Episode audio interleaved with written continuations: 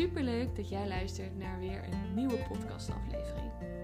Mijn naam is Merit en in deze derde aflevering wil ik het met jou hebben over hoe jij om kan gaan met meningen van anderen als het gaat over spiritualiteit, over de ongeziene wereld en over alternatieve geneeswijzes. Hoe kun jij steviger in je schoenen staan als het hier om gaat? Maar ook waar komt eigenlijk deze mening bij die ander? Waarom ligt er eigenlijk zo'n taboe hierop? Dit allemaal bespreek ik in deze podcast. Heel veel luisterplezier. Hey, welkom bij weer een nieuwe podcast. Bij podcast aflevering 3. Die gaat over wat nou als jij het lastig vindt om uit te komen voor spiritualiteit? Want dit is iets waar veel mensen last van hebben. Ik ontvang namelijk dagelijks berichtjes met dingen zoals: Hey Merit, hoe kan het dat jij je zo makkelijk kan uitspreken over datgene waar je voor staat? Ik vind het zo knap dat je laat zien ehm, hoe, je er, hoe je ergens over denkt. Uh, dat je je werk doet wat je doet. Um, dat je je naar buiten brengt over datgene waar je mee bezig bent. Noem het maar op.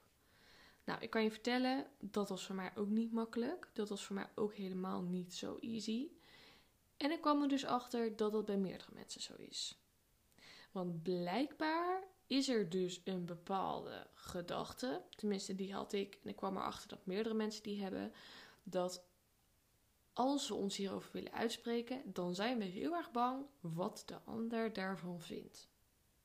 Wat gaat de ander van mij vinden als ik me ga uiten over spiritualiteit, over alternatieve geneeswijzes, over de ongeziene wereld, over interesses die je wellicht heel sterk hebt, maar waarvan je bang bent dat andere mensen denken: die is knettergek geworden. En oh my god, ik ga je vertellen, ik heb hier ook heel veel voor moeten doen om me hier makkelijk over uit te gaan spreken. Waarom? Omdat ik had dat ook. Ik was altijd het meisje wat uit de sportwereld kwam. Dus ik heb een sportopleiding gedaan. Ik ben daarna bij de fitness gaan werken. Ik heb altijd op voetbal gezeten. Dus ik stond een beetje bekend als het sportieve meisje. Als, het, als de stoere meid. Zo werd het dan wel eens gezegd. Nou ja, of dat echt zo was, hè? Dat is weer een ander verhaal. Maar zo werd het dan wel vaak geplaatst. En ik dacht alleen maar, toen ik hiermee aan de slag ging, van... Gaan mensen me dan nog wel stoer vinden? Blijkbaar is dat toch een soort van erkenning voor mij op dat moment geweest. Dat ik dacht, wat gaan andere mensen van mij vinden als ik me hier meer over zou gaan uiten? Gaan mensen me dan nog wel leuk vinden? Straks vinden mensen dat ik net gek ben geworden. Ja, noem het maar op. Ik had, hele, ik had, een hele, ik had heel veel gedachten daarover. En toen ben ik dat dus ook gaan onderzoeken. En ik neem je dus ook in deze podcast mee van hé, hey, maar wat kun je daar dan mee doen als je bijvoorbeeld in gesprek bent met iemand en je zou eigenlijk op dat moment wel willen uiten van uh, dit is mijn interesse, maar je krijgt een weerwoord van iemand. Hoe ga je er dan mee om? En waardoor komt het eigenlijk dat je dit soort gedachten hebt? En laat ik ermee beginnen dat het ermee te maken heeft dat in de wereld spiritualiteit wordt weggezet als iets geks als een een of andere hippie die niet weet wat hij moet doen met zijn leven, die altijd op blote voeten loopt, die zijn okselhaar laat groeien uh, en die dan on, uh, rond het vuur danst bij volle maan of zo. Hè, dat. Er wordt in de wereld wordt er een soort cliché beeld neergezet van, van een een of andere gekkie. Kijk maar eens naar bijvoorbeeld op de tv. Daar wordt spiritualiteit ook weggezet als gek, door bijvoorbeeld een vrouw die daar dan zit met zo'n glazen bol, die dan je toekomst kan gaan voorspellen, die je dan kan gaan inbellen en die jou dan allemaal antwoorden gaat geven.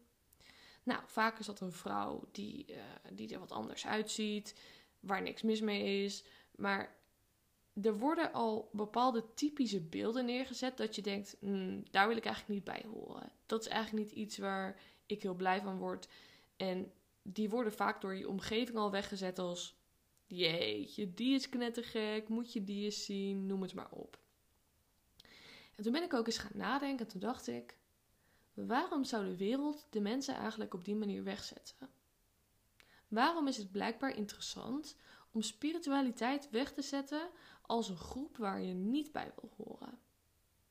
Want spiritualiteit is niet het typische beeld wat ik net benoemde met de okselhaar, dans op volle maan, onder volle maan, rondom het vuur, noem het maar op. Spiritualiteit is voor mij dat je gewoon gelooft in datgene wat we niet zien, maar wat er wel is. Dus dat ik geloof er bijvoorbeeld in dat wij hier op aarde zijn gekomen met een reden. Dat je dus blijkbaar als ziel bepaalde lessen te leren hebt. Dat er dus ook heel veel dingen zijn die wij niet met ons hoofd kunnen verklaren. Maar dat er dusdanig wel heel veel dingen zijn uh, die er om ons heen gebeuren, maar die we niet met ons blote oog kunnen zien. Ik geloof dus in een kracht die groter is dan mijzelf. Zo omschrijf ik het. En daarin kun je nog steeds de sportieve merit zijn. Daarin kun je nog steeds nuchter zijn. Daarin kun je nog steeds feestjes vieren met je vriendinnen en alcohol drinken als je dat wil. Uh, noem het maar op. Dat staat helemaal los van elkaar. Maar waarom zou de wereld dan op die manier mensen wegzetten? Ik heb er eens onderzoek naar gedaan en ik kwam erachter dat ik dacht, nou ja, laat ik het zo zeggen, ik ben tot een soort conclusie gekomen. En de conclusie is, ik denk, ik ben ervan overtuigd dat er een enorme kracht zit verborgen in spiritualiteit en in alternatieve geneeswijzes en in krachten uit de natuur, krachten uit uh, stammen zoals Aboriginals, die echt nog leven vanuit hoe met de gaven ook die wij als mens hebben gekregen en waarmee wij geboren zijn. Dus voor iedereen die daar heel veel interesse in heeft, oh ik er helemaal enthousiast als ik dit zeg, ga het boek uh, Op blote voeten door Australië lezen. Het is een super vet boek. Het gaat over namelijk over een Amerikaanse acupuncturist, uh, een Amerikaanse arts. En zij is dus ook acupuncturist en zij gaat uit mijn hoofd drie maanden gaat zij meelopen met Aboriginals in Australië. En zij leert daar gedurende haar trip dat ze daar is, leert ze allemaal dingen van die Aboriginals. Die mensen kunnen dus bijvoorbeeld ook uh, ruiken. Dit is, dit, is, dit is natuurlijk helemaal puur natuur. Dus die mensen zijn niet gevormd door school. Die mensen zijn niet beïnvloed door mobieltjes, door alles wat hier in de westerse wereld ons afremt om ook maar enige gaves van onszelf te ja, gebruiken. Um, die mensen hebben dat natuurlijk helemaal ontwikkeld. Dus die, die groeien daar ook op, die groeien in zo'n stam. En dan zie je dus eigenlijk waar wij allemaal als mens toe in staat zijn, als wij daar meer aandacht aan besteden. En die mensen konden dus bijvoorbeeld ook ruiken als het eten rijp was onder de grond. Nou, dat vind ik al bizar, want dat zijn enorme krachten. Maar ze konden ook uh, gebruik maken van telepathie. Dus zij gebruikten heel weinig woorden, maar ze communiceerden op basis van telepathie. Dit is dus niet verzonnen, of dit is dus geen een of andere nonsens wat ik nu uitverklaar. Dit is dus iets wat waar gebeurd is, wat dus daadwerkelijk echt waar is, want die vrouw is daar gewoon geweest, die heeft het ervaren. Maar ook aboriginals daar worden weggezet als een of andere gekkies. Die willen de, de mensen daar in Australië willen dat die mensen uitgeroeid worden. Waarom? Omdat daar dus een enorme kracht in zit. Het zijn zulke enorme wijze mensen. En als die wijze mensen nou allemaal informatie gaan verspreiden naar de westerse wereld, waar heel veel geld omgaat in medicijnen, in de farmaceutische industrie, in allemaal andere dingen waarvan ik denk dat zouden we ook op een andere manier kunnen oplossen, maar goed, dat is een ander verhaal. Dan verdienen mensen daar veel minder geld aan. Want er zit nou eenmaal een enorme kracht verborgen in, ehm, in hun manier van genezen ook. Niet alleen in Aboriginals, maar in onze, hoe ik het al zei, over alternatieve geneeswijzes, in spiritualiteit. Als je leert hoe uh, klachten ontstaan in je lichaam. Als je weet dat je als ziel bepaalde lessen in deze, uh, op deze wereld te doen hebt, omdat je nou eenmaal hier op aarde bent. Um, nog een boekentip is daar trouwens het. het um, oh, die ga ik even voor je opzoeken. Het, het gaat over de dood. Um, het sprookje van de dood, dat is hem. Mochten mensen meer geïnteresseerd zijn over dit verhaal, dus dat je als ziel op aarde komt. Het is een heel dun boekje, heel makkelijk leesbaar. Dan zou ik zeggen, ga die ook even luisteren. Of ga die ook even lezen. Ik ga een beetje van hot naar her, dat ben ik. Dan ga ik uh, uit enthousiasme ga ik van allerlei dingen vertellen. Maar goed, terugkomend. Uh, ik geloof erin dat er zoveel wijsheid in spiritualiteit, in alternatieve geneeswijzes, in dit soort dingen verborgen zit. Dat als alles wat daarin qua wijsheid naar buiten komt, dat er heel veel qua gezondheidszorg, qua medicijnen, dat dat gewoon in elkaar stort. En natuurlijk wil die farmaceutische industrie dat niet. En natuurlijk wil die media dat niet.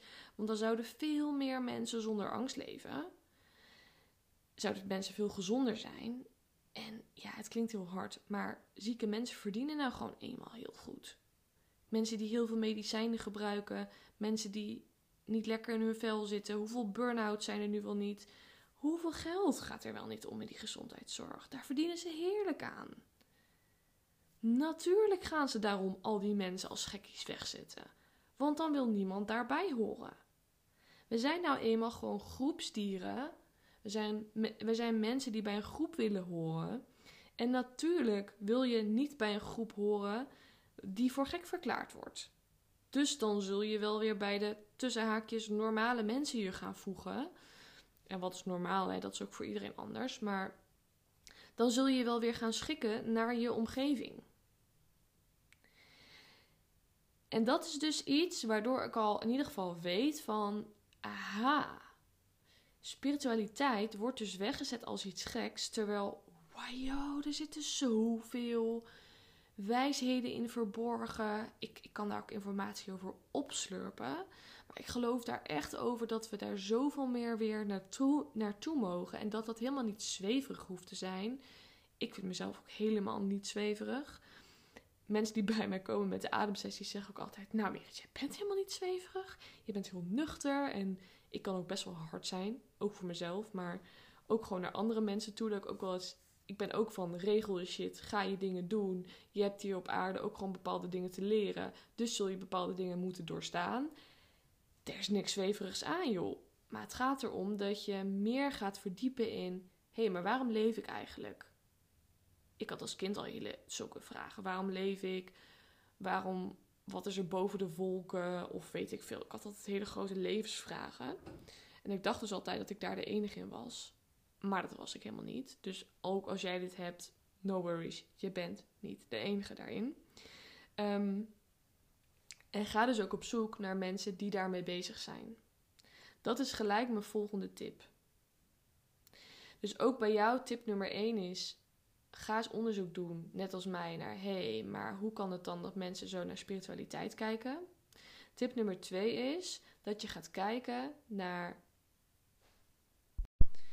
Dat je dus gaat kijken naar, hé, hey, maar waar zou ik andere mensen kunnen vinden die hier dus ook mee bezig zijn?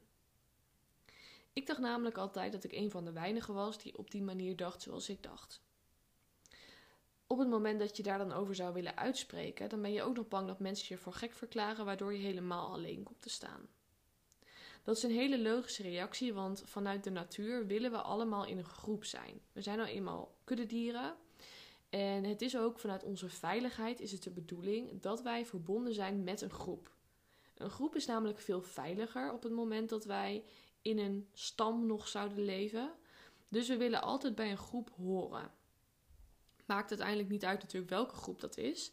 Maar we willen wel bij een groep horen waar we geaccepteerd worden, waar we gezien worden, waar we gehoord worden. Alleen vaak is het beeld wat jij hebt op dit moment, is dat de enige groep waar je bij kan horen, is de omgeving waarin je nu bent. Dus je familie of je vrienden of de mensen die je nu in je omgeving hebt, want de rest ken je nog niet. Is een soort onbekend veld, je weet niet hoe je je daarmee kan verbinden, noem het maar op. Ook ik had dat. Dat ik dacht, ja, ik zou me wel met andere mensen willen verbinden, maar hoe dan? En waar vind ik die mensen dan? En uh, hoe gaat dat dan? En vinden, mensen die, vinden die mensen mij dan ook aardig? En uh, voelt het ook veilig om met die mensen dingen te delen? En ik kan je in ieder geval meegeven, ga daarin onderzoek doen. Wat mij namelijk ontzettend heeft geholpen, is om bijvoorbeeld cursussen te gaan doen. Ehm, dat was voor mij voor mijn werk, maar ik weet ook dat heel veel mensen cursussen doen voor hunzelf. Dus ga naar plekken toe waar jij weet dat er over onderwerpen gesproken wordt die je interessant vindt. Dat kan een cursus zijn, dat kan een opleiding zijn, dat kan een masterclass zijn waar je aan meedoet online. Uh, dat hoeven dus niet hele grote dingen te zijn, maar ga ergens naar op zoek waarvan je weet: hey, dit is een plek waarvan ik in ieder geval weet dat er onderwerpen zijn die ik interessant vind. Want ik weet bijvoorbeeld dat op het moment dat ik mijn ademretreats geef, ik heb ook al een sisterhood dag gegeven voor allemaal jonge meiden van 20 tot 30 eh, jaar, of vrouwen kan ik dan beter zeggen. Ik heb ook one day ademretreats die ik geef. Dat iedereen die daar komt, dat het gelijkgestemden zijn. Waarom? Omdat je je al aangemeld hebt voor dezelfde dag. Dus heb je sowieso eenzelfde interesse. En iedereen die daar komt vindt het spannend, want iedereen die het komt vindt het spannend om zijn of haar verhaal te doen, om te socializen. Kom weer met de gedachte: hé, wat vindt de ander van mij? Sowieso heb je daar al een soort ja, overeenkomst in. Dat deel je ook al, want de meeste mensen hebben die gedachten. Maar op het moment dat je naar dat soort dagen toe gaat, en daarom, ik voel ook altijd als ik hierover praat, dat ik denk: oh, ik wil echt meer mensen hierin verbinden. Want ik krijg altijd de vraag: Merit, weet jij nog meer meiden of vrouwen of mannen die hier ook mee bezig zijn? Want ik wil me ook graag meer omringen. Ja, kom bijvoorbeeld naar mijn trainingen. Daar vind je allemaal van die mensen die dat ook interessant vinden. Die kennen mij, die komen via mijn Instagram vaak bij mij of via via. Dat zijn ook allemaal mensen die hier interesse in hebben. En dan maak je eens een praatje en daarin kun je eens vragen van... Goh, hoe kijk jij hier dan tegenaan? Oh, leuk, zullen we eens dingen gaan uitwisselen? Dat is al zo vaak gebeurd. Er zijn inmiddels al groepsappen van bepaalde trainingen... waarin steeds nog weer nieuwe dingen worden gedeeld. En sommige mensen spreken nu ook al met elkaar af of gaan wandelen of... Het kan soms zo simpel zijn, maar we denken vaak veel te moeilijk. We denken vaak veel te veel in problemen, in angsten, in wat vindt de ander van mij. Terwijl iedereen heeft die angst. Iedereen heeft diezelfde angst. Nou, ik kan niet zeggen iedereen, de meesten hebben diezelfde angst. En op het moment dat jij daar comfortabel in wordt en jij vindt dus nieuwe mensen op zo'n dag en je weet, hé, hey, er zijn dus gewoon nog meer mensen die deze interesse hebben. Je gaat er in een soort uiteindelijk, je vindt één of twee mensen, je gaat daar wat meer contact leggen, dan wordt het steeds een beetje veiliger om met die mensen om te gaan en je daar in ieder geval al uit te spreken. Dus kun je, weet je in ieder geval dat je bij die mensen helemaal jezelf kan zijn. Omdat je weet, hé, hey, uh, daarin kan ik mezelf helemaal zijn. En op het moment dat je dat weet, dan kan jouw brein ook in ieder geval al wat meer tot rust komen. Omdat je dan weet van, aha, maar er is behalve mijn veilige omgeving, mijn veilige groep, zijn er gewoon nog meer mensen die dezezelfde interesses hebben. Dus ik kan me ook langzamerhand steeds meer een beetje gaan vormen naar een andere groep. En ja, dat is spannend. Want ik had inmiddels, ik weet in het begin bij mij ook nog dat ik bijvoorbeeld een truffelceremonie heb gedaan. Ik had een ayahuasca sessie gedaan. Dat was vorig jaar. Nou, ik weet natuurlijk niet wanneer je deze podcast luistert, maar dat was uh, eh, 2021. En dat was in mei. En toen ging ik mijn eerste ayahuasca sessie doen. En dat is een sessie waarbij je truffels combineert met de kapi. Dus het is een vorm van, het is een lichtere vorm van ayahuasca, zo mag je het zien. En ik heb dat eigenlijk alleen tegen mijn vader, moeder en mijn vriend verteld. Omdat ik dacht, ja, ik weet eigenlijk helemaal niet wat mensen hiervan gaan vinden. Zelfs mijn vriendinnen vond ik het spannend om te vertellen. Bij sommige vrienden heb ik het wel verteld, bij sommige niet, omdat ik gelijk dacht van ja, ik weet niet wat hun mening daarover is helpt dit mij? En dat is ook gelijk de volgende tip die ik je wil meegeven. Kijk bij wie jij een positieve energie krijgt als je dit zou delen. Dus kies voor jezelf met wie je wat deelt. Ik wist bijvoorbeeld al dat als ik dit zou delen met bepaalde mensen om me heen, dat ik daar sowieso een oordeel over zou krijgen. Helpt mij dat op dat moment? Nee, absoluut niet. Word ik daar meer gevoed door? Word ik daar positiever door? Krijg ik daar meer vertrouwen door? Nee, absoluut niet. Waarom zou ik het dan met hun delen? Dus kies voor jezelf waarvan je weet, hey, die mensen die stimuleren mij in datgene wat ik fijn vind. Dus kies de mensen uit met wie je wat wilt delen. Je hoeft niet je hele met iedereen alles te delen. Met elke vriendin of met elke vriend of met elk familielid. Kies met wie je datgene wilt delen waarvan je ook weet: hé, hey, dit helpt mij. Dat als je zegt: dit is mijn interesse, maar ik vind het eigenlijk best wel spannend om ervoor uit te komen. Dat iemand zegt: oh, nou maar weet je, leg eens uit. Wat vind je interessant? En hoe sta je daar dan tegenover? En dat je weet: hey, ik, als ik iets zeg, dan wordt daar niet gelijk een heel oordeel over gevestigd. Maar dat er een veilige ruimte is om te zijn wie jij bent. Vertel je het wel aan iemand, omdat je bijvoorbeeld aan je partner of aan een vriendin waarvan je denkt, nou ik vind het belangrijk om dit te vertellen. Maar komt diegene vervolgens met een enorme soort weerwoord dat, je, dat, dat, dat ze je gaan afvragen of het wel goed met je gaat. Of, je, of, ze, of je, nou ja, dat ze zich afvragen of je niet gek aan het worden bent, noem het maar op. Dan is mijn tip voor jou, dat is gelijk de volgende. Ga vragen stellen. Ga vragen stellen aan die persoon die voor jou zit. Je hoeft jezelf dus niet te gaan verdedigen, nou maar in een soort van: ja, maar het werkt zo goed en dit heb ik gelezen en dat heb ik gelezen en dit werkt goed voor mij en dit zou ook goed voor jou zijn dat je een soort adviesrol gaat schieten. Nee, dat doe je niet. Je legt de bal gewoon weer terug bij de ander. Dus bijvoorbeeld, als jij, als ik bijvoorbeeld zou zeggen, dus ik pak mezelf even als voorbeeld, ik zou tegen iemand zeggen: Ik heb vorig jaar een heel ayahuasca-sessie gedaan. Dat iemand zegt: Nou, wat is dat nou weer? Wat is dan nou weer voor gekkigheid? Uh, zou je dat wel doen? En dat in plaats van dat ik me dan in een soort van aangevallen situatie ga zitten, dat ik mezelf ga verdedigen. En dat ik op een gegeven moment ga twijfelen van, hmm, moet ik dit eigenlijk wel doen? Klopt het wat diegene zegt? Dat ik diegene dus een vraag ga stellen, waardoor ik diegene zelf laat nadenken. Dus bijvoorbeeld, hey, Waarom denk jij hier zo over? Wat is jouw mening hierover? En zegt diegene: Ja, nou, ik vind het super zweverig allemaal. Ik geloof daar niet in.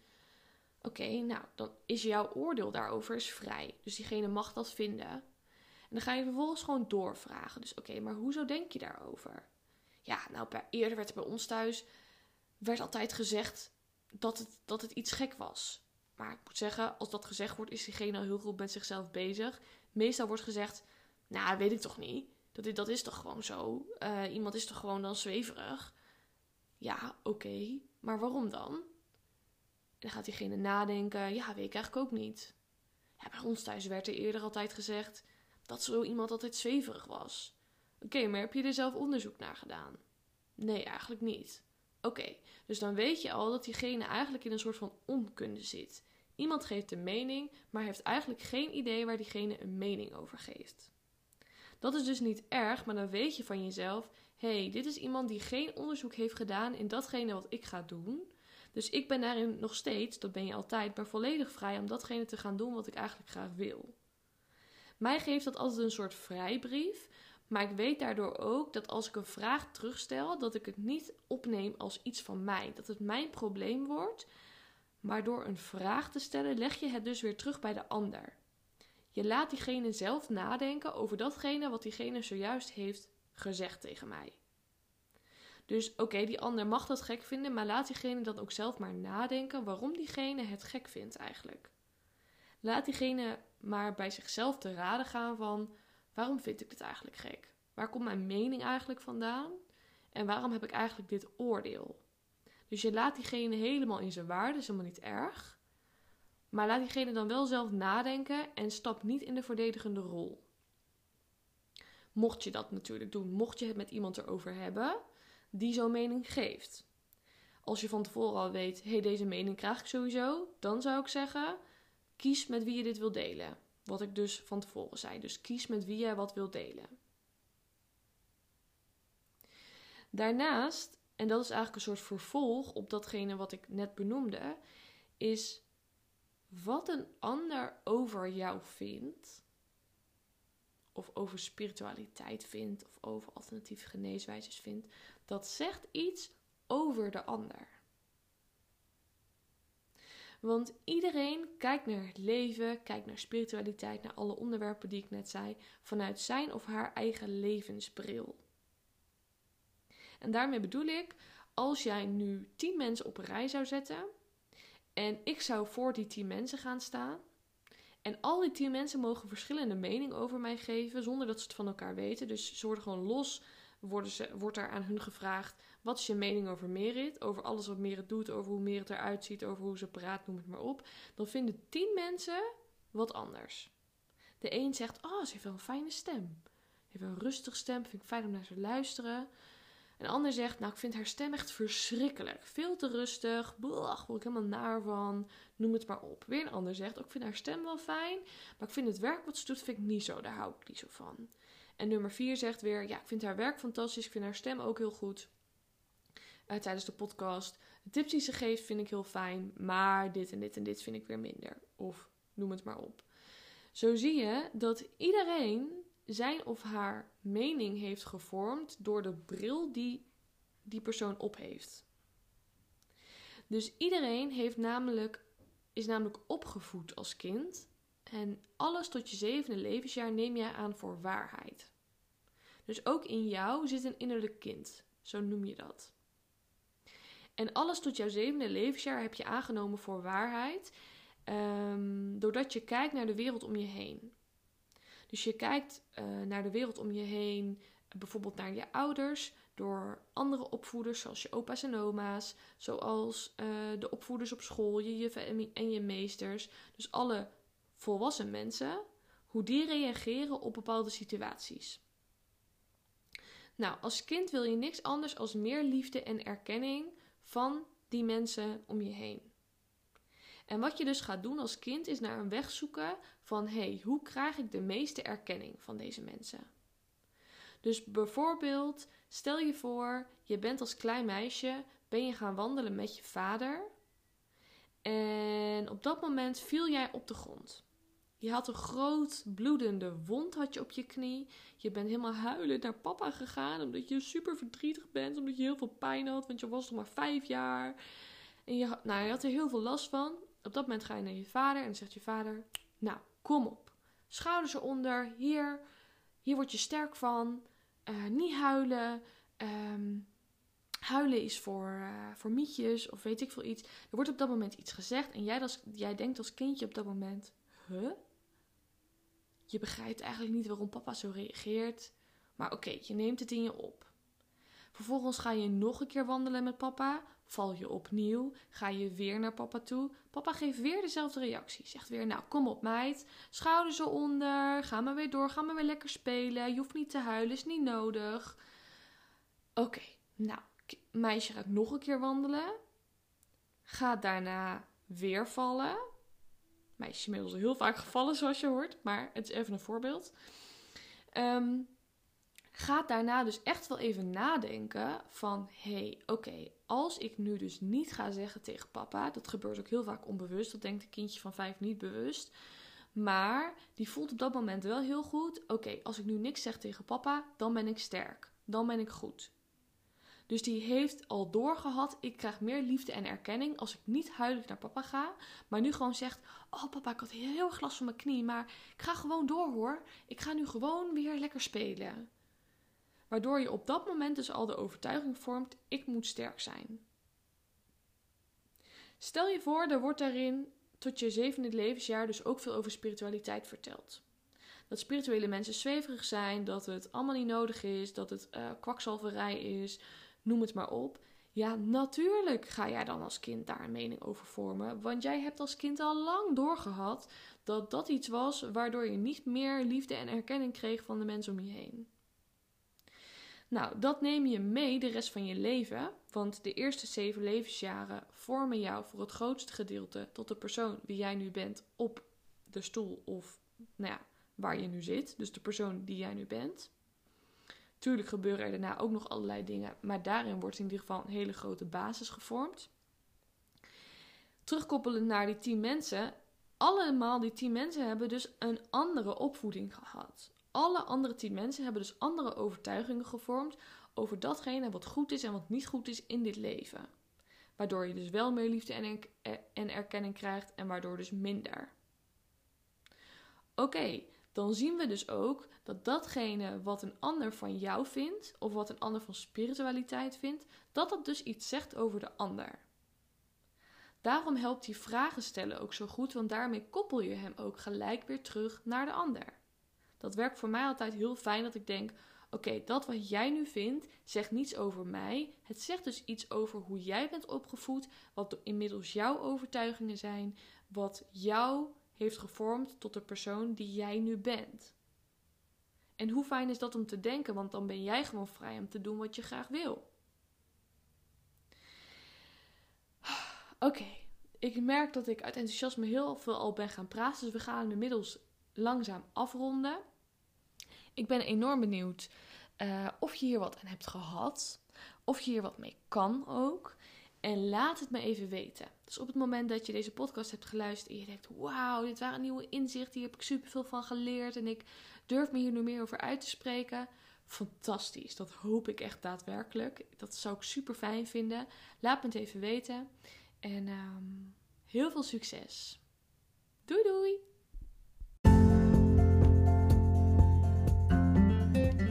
Super leuk dat jij hebt geluisterd naar deze podcastaflevering. Ben jij nou benieuwd wat ik voor jou kan betekenen of voor jouw bedrijf kan betekenen? Neem dan even contact met me op. In het dagelijks leven geef ik namelijk één op één ademsessies, maar ook ademsessies in groepen, one day ademretreats en adem- en ijsbadtrainingen. Neem een kijkje op mijn website www.merithuizen.nl en als je een vraag hebt, dan hoor ik het graag. Doei doei!